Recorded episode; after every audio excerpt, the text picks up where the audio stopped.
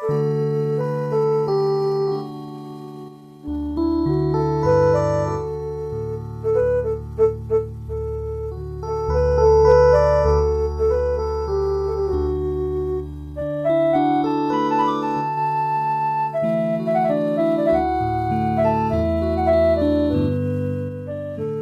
ះវិទ្យុសំឡេងមេត្រីភាពផ្សាយចេញពីវិទ្យុ Adventist ពិភពលោក នាងខ្ញុំ Erica Pha ហើយខ្ញុំ John Prisley Pha សូមគោរពនិងស្វាគមន៍ចំពោះអស់លោក លោកស្រី និងប្រិយមិត្តអ្នកស្ដាប់ទាំងអស់ជាទីមេត្រី បងប្អូនលោកអ្នកកំពុងស្ដាប់ដំណឹងល្អពីវិទ្យុសំឡេងមេត្រីភាព ដែលផ្សាយចេញជាភាសាខ្មែរមួយថ្ងៃពីរលើកព្រឹកពីម៉ោង6ដល់ម៉ោង6:30នាទី ពេលល្ងាចពីម៉ោង8ដល់ម៉ោង8:30នាទីយប់ថ្ងៃអាទិត្យ មានរយៈពេល1ម៉ោងពីម៉ោង6ដល់ម៉ោង7ព្រឹក និងពេលល្ងាចពីម៉ោង8ដល់ម៉ោង9យប់តាមរលកធាតុអាកាសខ្លី short wave 15150 kHz កម្ពស់19ម៉ែត្រអ្នកស្រីសុនសវណ្ណានឹងជម្រាបជូននៅកម្មវិធីសម្រាប់ថ្ងៃនេះដូចតទៅសួស្តីថ្ងៃសបាត នាងខ្ញុំសូមជម្រាបសួរដល់បងប្អូនស្ងួនភ្ងាជាទីគោរពនិងជាទីមេត្រីសញ្ញាទាំងឡាយនៃពេលវេលានៅក្នុងព្រះគម្ពីរបានប្រាប់យើងថា យើងបានមកដល់ចុងសករាជហើយ ពាក្យនេះក៏ជាវេវចនៈស័ព្ទនិងពាក្យថាព្រះយេស៊ូវចិត្តយើងត្រឡប់មកវិញហើយព្រះគម្ពីរម៉ាថាយជំពូក25ខ6សម្ដែងថា លុះដល់កណ្ដាលអាត្រៀតស្រាប់តែលឺសូរសម្រែកថាណែប្តីមកហើយចូលចេញទៅទទួលចុះនេះជាបទបន្ទូលដែលបញ្ជាក់ពីការយាងមកវិញរបស់ព្រះយេស៊ូវគ្រីស្ទដើម្បីទទួលយករាជរបស់ទ្រង់គឺជាអ្នកដែលទទួលជឿព្រះនាមទ្រង់ទទួលយកទ្រង់ជាព្រះអង្គសង្គ្រោះតាមរយៈដំណឹងល្អដែលប្រកាសផ្សាយដូចជាតាមវិទ្យុសំឡេងមេត្រីភាពនេះជាដើម វិទ្យុយើងមានសារដ៏សំខាន់និងជាបន្ទាន់សម្រាប់បងប្អូនលោកអ្នកគឺជាសារនៃសេចក្តីសង្គ្រោះដែលប្រកាសផ្សាយដោយលោកគ្រូសនសុផាត ដែលជាបាវបំរើរបស់ព្រះយេស៊ូវគ្រីស្ទសូមគោរពអញ្ជើញបងប្អូនលោកអ្នកទទួលសម្ដាប់ដូចតទៅ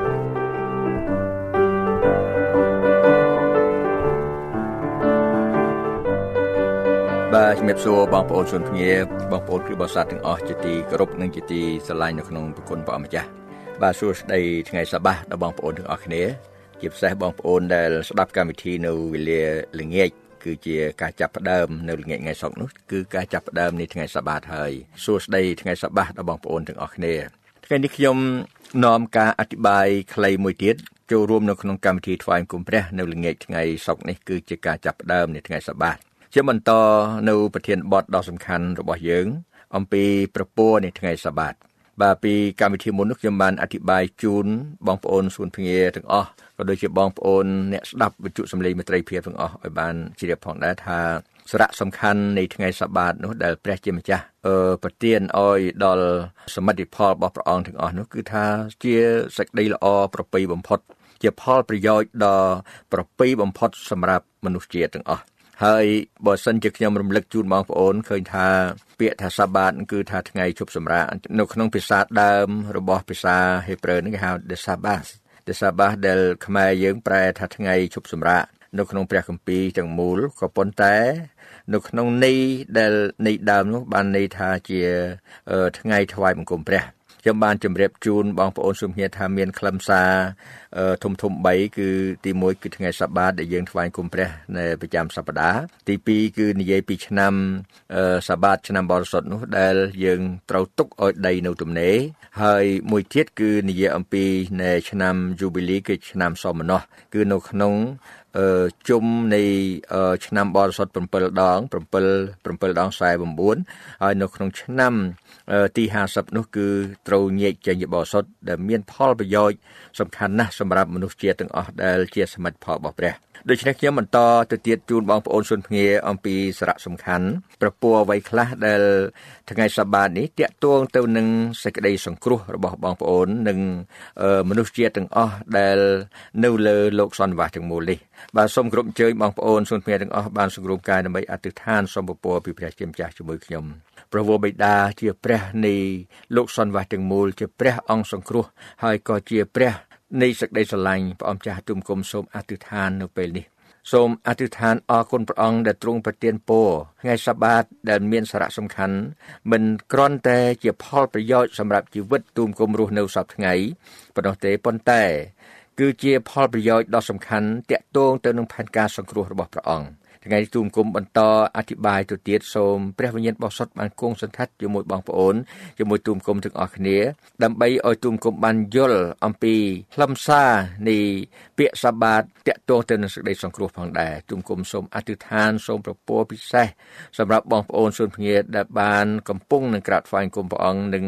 ស្ដាប់នៅព្រះបន្ទូលរបស់ផងទ្រង់ទូមគុំសូមអធិដ្ឋានដោយនៅព្រះនាមព្រះអង្គចាស់ព្រះយេស៊ូវគ្រីស្ទអាមែន បងប្អូនថ្ងៃនេះខ្ញុំជម្រាបជូនអំពីថាប្រពោនៃថ្ងៃសបាតថ្ងៃសបាតហ្នឹងគឺបងប្អូនលោកអ្នកដែលយើងដឹងហើយថា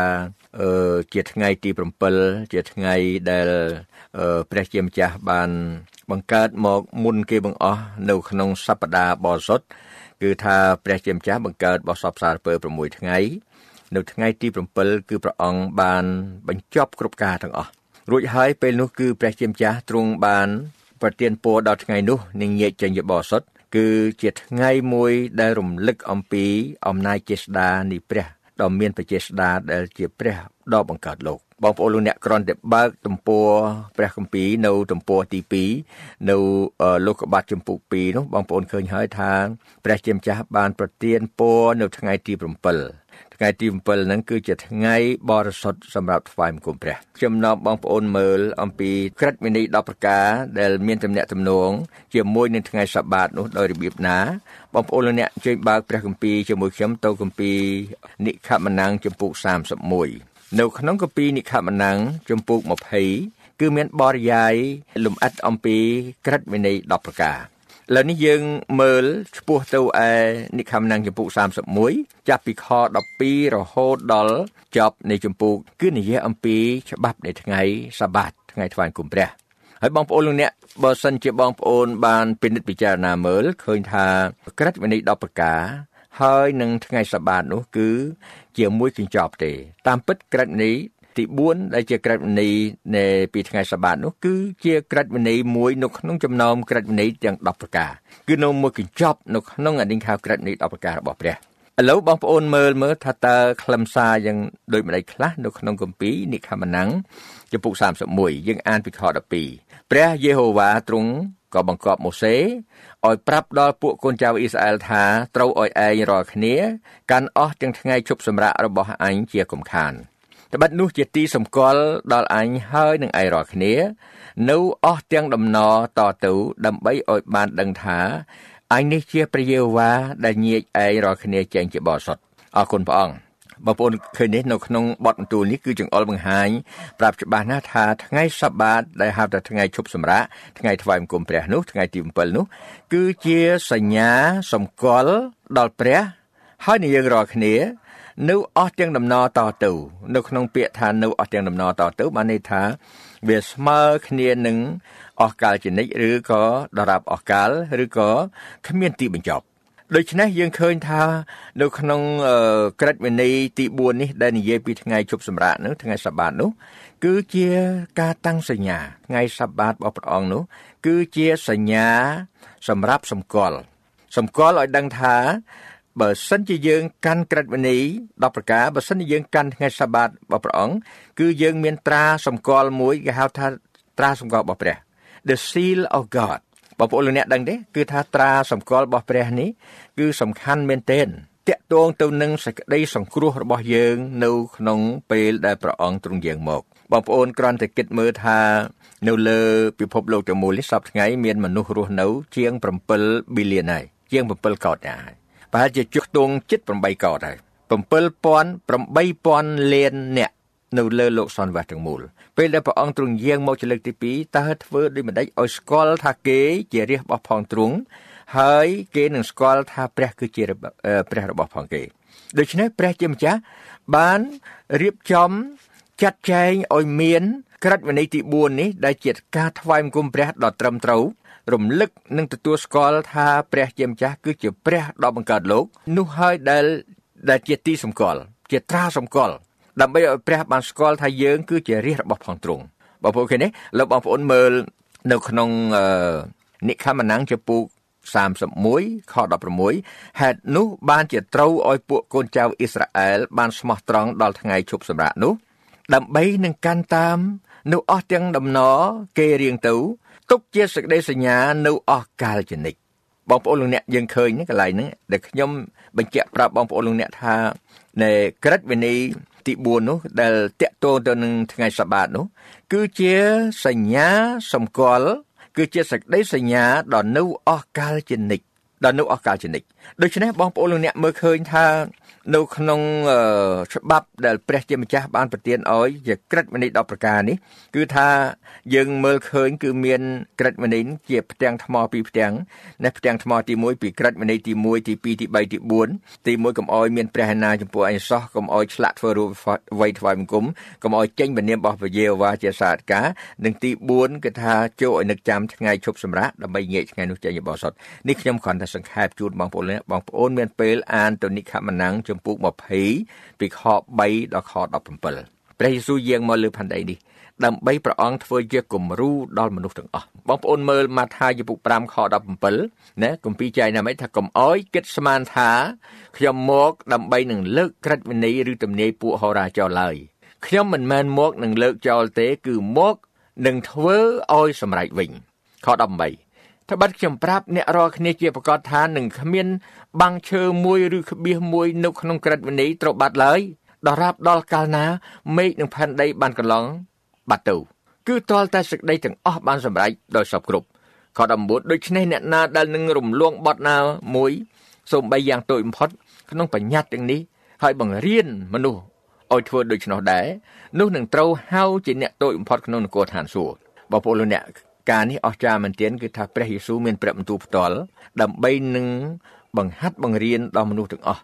នេះមិនមែនគ្រាន់តែសម្រាប់ពួកសាសយូដាប៉ុណ្ណោះទេគឺសម្រាប់យើងរាល់គ្នានៅចុងសក្តាននេះដែរនេះគឺនៅក្នុងពេលដែលពិភពលោកនេះគឺថាបានមើលរំលងទៅនឹងក្រឹតវិន័យ10ប្រការរបស់ព្រះ ហើយមិនយកក្រឹតនេះ10ប្រការរបស់ព្រះអង្គគឺជាសំខាន់ទេពីព្រោះអីពីព្រោះនៅក្នុងនោះមានច្បាប់គឺក្រឹតវិន័យទី4និយាយអំពីថ្ងៃសបាត ដូច្នេះពេល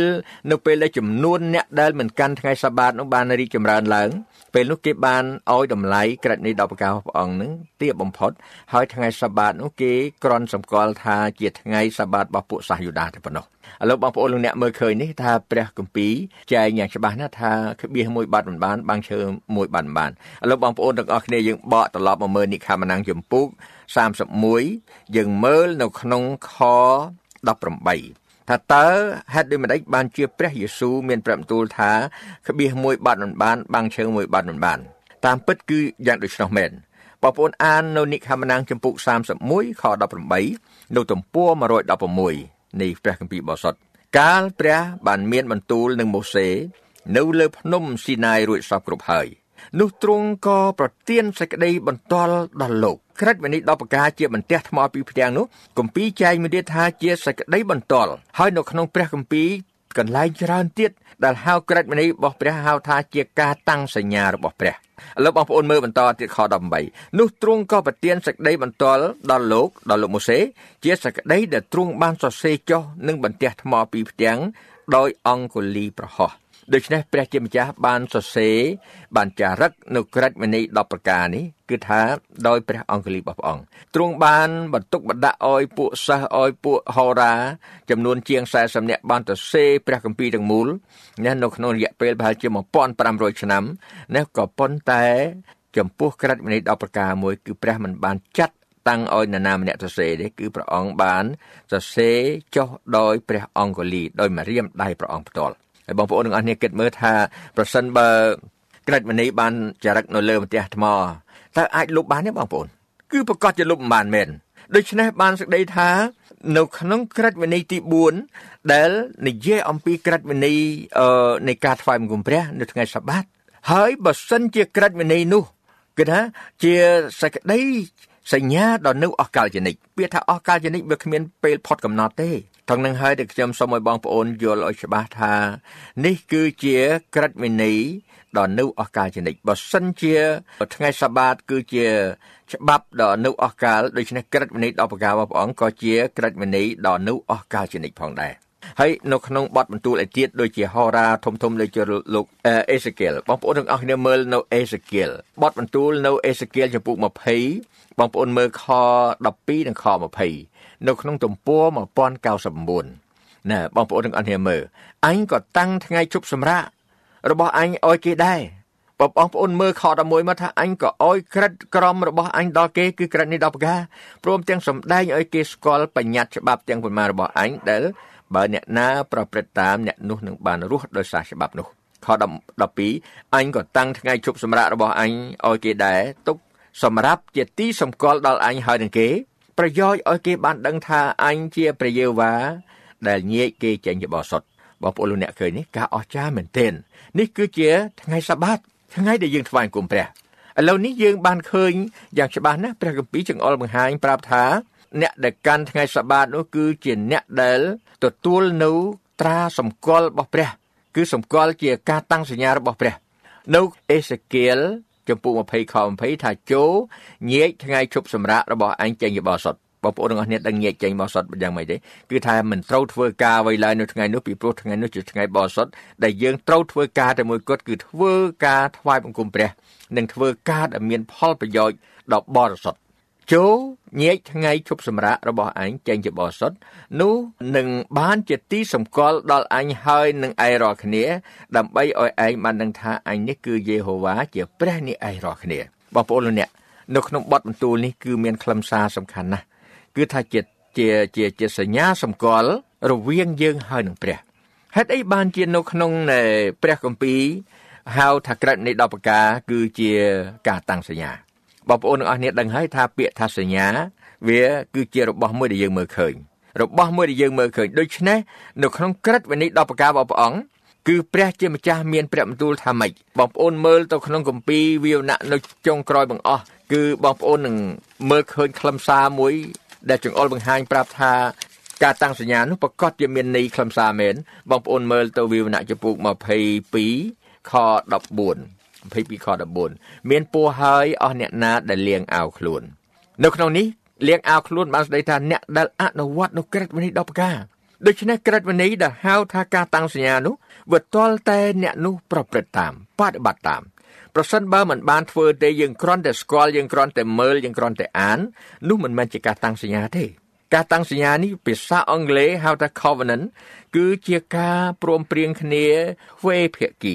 ណានៅក្នុងខ្លឹមសារនោះ ប៉ុន្តែមួយទៀតនៅក្នុងន័យអសរសាស្ត្របានន័យថាជាការមួយដែលយើងត្រូវស្ដែងចេញឲ្យឃើញនៅសកម្មភាពរបស់យើង អ្នកដែលជឿក្រិតវិន័យដល់ប្រការរបស់ព្រះអង្គបានល្អអ្នកដែលបានហៅចូលទៅក្នុងនគរឋានសួគ៌នោះវិញគឺបានសេចក្តីថាអ្នកដែលអនុវត្តនៅក្រិតវិន័យដល់ប្រការមិនមែនអ្នកគ្រាន់តែអ្នកស្ដាប់ហើយអ្នកណែដឹងអ្នកស្គាល់ទេគឺអ្នកអនុវត្តនៅក្រិតវិន័យដល់ប្រការរបស់ព្រះអង្គកាលណាគេ អនុវត្តនៅក្រឹតនេះដល់ប្រការរបស់ព្រះអង្គពេលនោះហើយគេនឹងថ្វាយបង្គំព្រះបានត្រឹមត្រូវដូច្នេះបងប្អូនលោកអ្នកខ្ញុំបង្ហាញប្រាប់ទាំងនេះដើម្បីឲ្យបងប្អូនមានអំណរថ្ងៃសបាតនេះគឺជាប្រពោពិសេសណាស់គឺជាជាប្រពោពិសេសពីព្រោះថាយើងទាំងអស់គ្នានឹងបានទទួលនៅត្រាសម្គាល់របស់ព្រះ ត្រាសម្គាល់របស់ព្រះមានលក្ខណៈសំខាន់យ៉ាងណាបងប្អូនលោកអ្នកបងប្អូនមើលនៅក្នុងគម្ពីរវិវណៈចម្ពោះ7យើងនឹងឃើញច្បាស់ណាស់ថានៅពេលចុងសករាជនៅពេលដែលមុនព្រះយេស៊ូវយើងមកនឹងមានគ្រាលំបាកណាស់បងប្អូនមើលនៅគម្ពីរវិវណៈចម្ពោះ7ខ1ដល់ខ3ថាក្រោយនោះមកខ្ញុំឃើញទេវតា4រូបឈរនៅជ្រុងផែនដីទាំង4 ទាំងខ្ទប់ខ្យល់នៅផែនដីទាំង4ទិសមិនអោយបក់មកលើផែនដីឬសមុទ្រឬដើមឈើណាឡើយរួចខ្ញុំឃើញទេវតាមួយទៀតដែលឡើងមកពីទិសថ្ងៃរះមានទាំងត្រារបស់ព្រះដ៏មានបច្ចុប្បន្នរស់ទេវតានោះក៏បន្លឺសំឡេងទៅទេវតាទាំង4នោះដែលមានអំណាចនឹងធ្វើទុកផែនដីហើយនឹងសមុទ្រថាកុំអោយធ្វើទុកផែនដីឬសមុទ្រឬដើមឈើណាក្តីទាល់តែបោះត្រានៅត្រង់ថ្ងាស នៃពួកបាវបំរើរបស់ព្រះនេះយើងសិនគម្ពីរអេសេគៀលក៏ដូចគ្នាគឺបញ្ជាក់ប្រាប់ថាអ្នកណាដែលថ្វាយបង្គំព្រះនៅថ្ងៃសបាតព្រះនឹងស្គាល់ថានោះជារាជរបស់ផងព្រះសំខាន់ណាស់បងប្អូនទាំងអស់គ្នាហើយយើងឃើញថាការដែលព្រះជាម្ចាស់បានស្គាល់ថាយើងជារាជរបស់ព្រះអង្គសំខាន់មែនទែនគឺសម្រាប់សេចក្តីសង្គ្រោះរបស់បងប្អូនដូច្នេះបានជាខ្ញុំតែងជម្រាបជូនបងប្អូនថា ថ្ងៃសបាតនេះជាថ្ងៃថ្វាយបង្គំព្រះនេះគឺថាជាថ្ងៃដែលមានប្រពោបងប្អូនលោកអ្នកមានពេលខ្ញុំសូមអញ្ជើញបងប្អូនបើកទៅគម្ពីរនិខមណាំងចំពុក16នៅក្នុងគម្ពីរនិខមណាំងចំពុក16គឺថាព្រះគម្ពីរនោះគឺអស្ចារ្យមែនទែនបងប្អូនគឺមានកត់ត្រានៅប្រវត្តិសាស្ត្រនៃរាជអ៊ីស្រាអែលនៅក្នុងរយៈពេលដែលគេដើរកាត់ទីវាលហោឋាន ចំនួន40ឆ្នាំដើរកាត់ទីវាលហោឋានឆ្ពោះទៅកាន់ដែនដីសន្យាខ្ញុំសូមឲ្យបងប្អូនមើលនៅរូបភាពនោះ ថារូបភាពនោះគឺបានសម្ដែង ប្រាប់ដល់យើងសពថ្ងៃនេះថា នោះគឺជាដំណើររបស់យើងរាល់គ្នា ទៅកាន់នគរឋានសួគ៌ដែរចុះតើការអ្វីដែលព្រះជាម្ចាស់បង្រៀន នៅក្នុងគម្ពីរនិខមណាំងជំពូក16នេះគឺថាព្រះជាម្ចាស់ទ្រង់បានបង្រៀនដល់កូនចៅអ៊ីស្រាអែលនៅសច្ចធម៌មួយដ៏សំខាន់ណាស់គឺថ្ងៃសាបាតព្រះពរពិសេសនៃថ្ងៃសាបាត បងប្អូនលោកអ្នកខមួយថារួចគេចេញពីអេលឹមធ្វើដំណើរទៅលុះដល់ថ្ងៃ15ខែទី2តាំងពីចេញពីស្រុកអេស៊ីបមកនោះពួកជំនុំនៃកូនចៅអ៊ីស្រាអែលទាំងអស់គ្នាក៏ទៅដល់ទីរហោស្ថានសិនជាទីដែលនៅកណ្ដាលអេលឹមហើយនឹងស៊ីណាយ បងប្អូនមើលខ2ហើយពួកជំនុំកូនចៅអ៊ីស្រាអែលទាំងអស់ក៏ត្អូញត្អែនឹងម៉ូសេហើយនឹងអេរ៉ុននៅទីរហោស្ថាននោះគេនិយាយនឹងលោកថាស៊ូឲ្យយើងបានស្លាប់ដោយប្រហោះនៃព្រះយេហូវ៉ានៅស្រុកអេស៊ីបក្នុងកាលដែលយើងអង្គុយនៅជិតឆ្នាំងសម្លហើយបានទទួលទានបាយឲ្យឆ្អែតនោះជាជាងត្បិតដែលអ្នកបាននាំយើងមកក្នុងទីរហោឋាននេះនោះគឺដើម្បីតែសម្រាប់ពួកជំនុំទាំងនេះអស់ដោយអត់ឃ្លានទេ បងប្អូនទាំងអស់គ្នាមើលខ4បន្ទាប់នោះមកព្រះយេហូវ៉ាទ្រង់មានបន្ទូលនឹងម៉ូសេថាមើលអញនឹងបង្អោភ្លៀងជានំប៉័ងពីលើមេឃមកឲ្យឯងរាល់គ្នាត្រូវឲ្យបណ្ដាជនចេញទៅរើសឲ្យលមុំតែមួយថ្ងៃមួយថ្ងៃ ដើម្បីឲ្យអញបានលបងលួគេមើលតើគេនឹងដើរតាមច្បាប់របស់អញឬទេ ដល់ថ្ងៃទី6នោះត្រូវឲ្យគេរើសលើសជាងធម្មតាមួយជា2យកទៅរៀបចំទុករៀបចំទុកសម្រាប់ថ្ងៃសបាត កន្លែងនេះដែលខ្ញុំជំរាបជូនបងប្អូនថាខ្ញុំមិនមានពេលមើលទាំងអស់ប្រកបប៉ុន្តែបងប្អូនលោកអ្នកមើលឃើញកន្លែងហ្នឹងគឺថាជាការអស្ចារ្យណាស់ពេលកូនចៅអ៊ីស្រាអែលនៅក្នុងប្រទេសអេស៊ីបចំនួន430ឆ្នាំមួយរយៈពេលធំដែលពួកគេត្រូវពួកក្រុងនៃប្រទេសអេស៊ីបបានប្រើឲ្យគេធ្វើការទាំងថ្ងៃសបាតរបស់ព្រះអង្គផង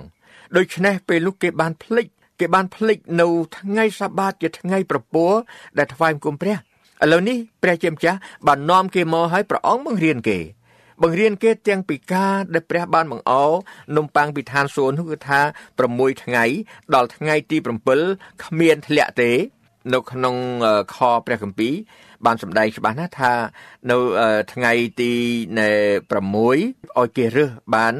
ពីររបបបងប្អូនទាំងអស់គ្នាឃើញទេបើបងប្អូនមើលទាំងអស់យើងនឹងឃើញថា នៅថ្ងៃទី7គឺព្រះអង្គមិនបានបង្អមកទេអ្នក រាល់គ្នានឹងរើសនំនេះបានតែក្នុងរវាង6ថ្ងៃលុះដល់ថ្ងៃទី7នោះគ្មានទេព្រោះជាថ្ងៃឈប់សម្រាកបងប្អូនលោកអ្នកការនេះអស្ចារ្យបើយើងគ្រាន់តែមើលដោយសើសើរយើងមិនដឹងប៉ុន្តែបើបងប្អូនទាំងអស់គ្នាដាក់អារម្មណ៍របស់យើងដើរជាមួយកូនចៅអ៊ីស្រាអែលកាត់ទីវេរហោស្ថានពួកគេដើរកាត់ទីវេរហោស្ថាន40ឆ្នាំសម្លៀកបំពាក់មកបន្លាស់ស្បែកជើងមួយសម្រាប់មិនសឹកមិនពុកហើយពួកគេទាំងអស់គ្នា បានទទួលនំម៉ាណានោះ គឺថា40ឆ្នាំប៉ុន្តែនំអាណាធ្លាក់តែ6ថ្ងៃទេថ្ងៃទី7มันបានធ្លាក់តែមួយដំណក់ណាមួយតែតែមួយគ្រាប់ក៏គ្មានដែរដូច្នេះយើងឃើញថាកន្លែងហ្នឹងគឺព្រះជាម្ចាស់បានសម្ដែងឲ្យពួកកូនចៅសាអែលមើលឃើញថាជាក្រិតវិន័យរបស់ព្រះអង្គគឺទាំងផែនដីនិងឋានសួគ៌ពិតប្រាកដហើយបញ្ជាក់ប្រាប់ថាព្រះអឺព្រះព្រះព្រះអង្គម្ចាស់នៃយើង គឺជាព្រះនៃលោកសន្និវាសទាំងមូលទាំងផែនដីនិងឋានសួគ៌ផងដែរ បងប្អូនគិតមើលបើបងប្អូន មានកដាស់មានប៊ិចគិតមើលថាតើ40ឆ្នាំ40ឆ្នាំ បើយើងគិតថាចំនួន ថ្ងៃសបាតតើមានប្រមាណដង ក្នុងមួយឆ្នាំមាន52សប្តាហ៍52សាបាតយើងគុណជាមួយនឹង40យើងឃើញប្រមាណបងប្អូនយើងឃើញ2080ដងណាបងប្អូនគិតមើលណាគុណមើលវាថា52គុណនឹង40យើងឃើញហើយគឺថា2080ដង ដូច្នេះព្រះព្រះព្រះជាម្ចាស់បានបង្ហាត់បង្រៀនកូនចៅអ៊ីស្រាអែលនឹងអស្ចារ្យមែនទែនមិនមែនម្ដងទេ គឺថា2080ដង ដើម្បីឲ្យគេស្គាល់អំពីច្បាប់របស់ព្រះនៅផែនដីនិងនគរឋានសួគ៌ ដូច្នេះពួកកូនចៅអ៊ីស្រាអែលទាំងអស់គេថាត្រូវតែថ្វាយបង្គំព្រះ នៅថ្ងៃសបាតនោះគឺថាមិនមានធ្លាក់នំណាមកទេប៉ុន្តែពួកគេរៀងរាល់ថ្ងៃគឺថាគេទុកលើសរបបមិនបានទេណែដង្កូវចុះរលួយស្អុយប៉ុន្តែថ្ងៃសបាត គឺព្រះញែកជាបរិសុទ្ធថ្ងៃនោះរបបដែលទុកទៀមបាមានគឺថាមិនមានដង្កូវចុះមិនមានស្អុយទេហើយគេអាចទទួលទានបាន នេះគឺជាប្រពោពិសេសបងប្អូនលោកអ្នកឃើញទេ ដូច្នេះខ្ញុំអោយបងប្អូនទាំងអស់គ្នា ពិចារណាមើលនៅរឿងនឹងហើយសូមមើលនិខមណាំងចំពុក16ឡើងវិញយើងឃើញថាព្រះជាម្ចាស់បង្រៀននៃរាជរបស់ព្រះអង្គបើសិនជាយើងអ្នកជឿព្រះសពថ្ងៃយើងថាយើងជាកូនព្រះគឺយើងជារាជរបស់ព្រះដែរយើងត្រូវរៀនច្បាប់របស់ព្រះដូច្នេះច្បាប់នេះគឺជាការតាំងសញ្ញាព្រះអង្គចង់មើលឃើញរាជរបស់ព្រះអង្គនឹងអនុវត្ត ពិតប្រាកដគឺថាមិនមែនគ្រាន់តែជាអ្នកដឹងច្បាប់ទេគឺអ្នកដែលដើរនៅក្នុងច្បាប់នោះហើយអនុវត្តពិតប្រាកដដូច្នេះបងប្អូនលោកអ្នកយើងមើលឃើញថាម៉េចយើងឃើញថាព្រះជាម្ចាស់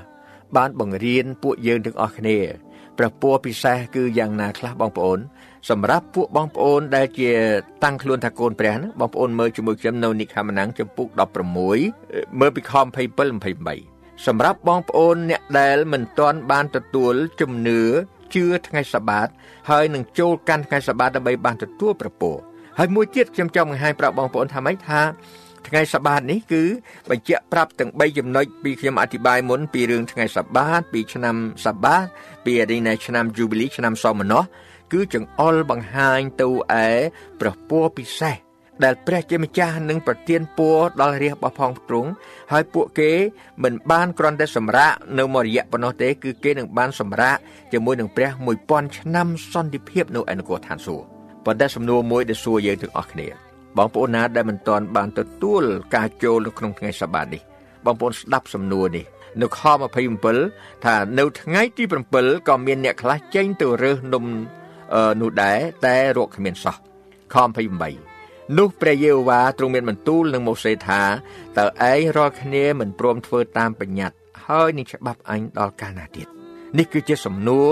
ដែលបងប្អូនលោកអ្នកបើសិនជាបងប្អូនណាមិនទាន់បានចូលក្នុងថ្ងៃសបាតដើម្បីថ្វាយបង្គំព្រះឲ្យបានទទួលប្រពោពិសេសបងប្អូនស្ដាប់សំណួរនេះមិនមែនជាសំណួររបស់ខ្ញុំទេគឺជាសំណួរមកពីព្រះសពថ្ងៃនេះយើងអាចហៅថាជាសំណួរមកពីព្រះយេស៊ូវដែលព្រះអង្គគឺជាព្រះ អង្គសង្គ្រោះដែលទ្រង់នឹងយាងមកសូមព្រះជាម្ចាស់ប្រទានពរបងប្អូនទាំងអស់គ្នាជាបរិបូរអាមែន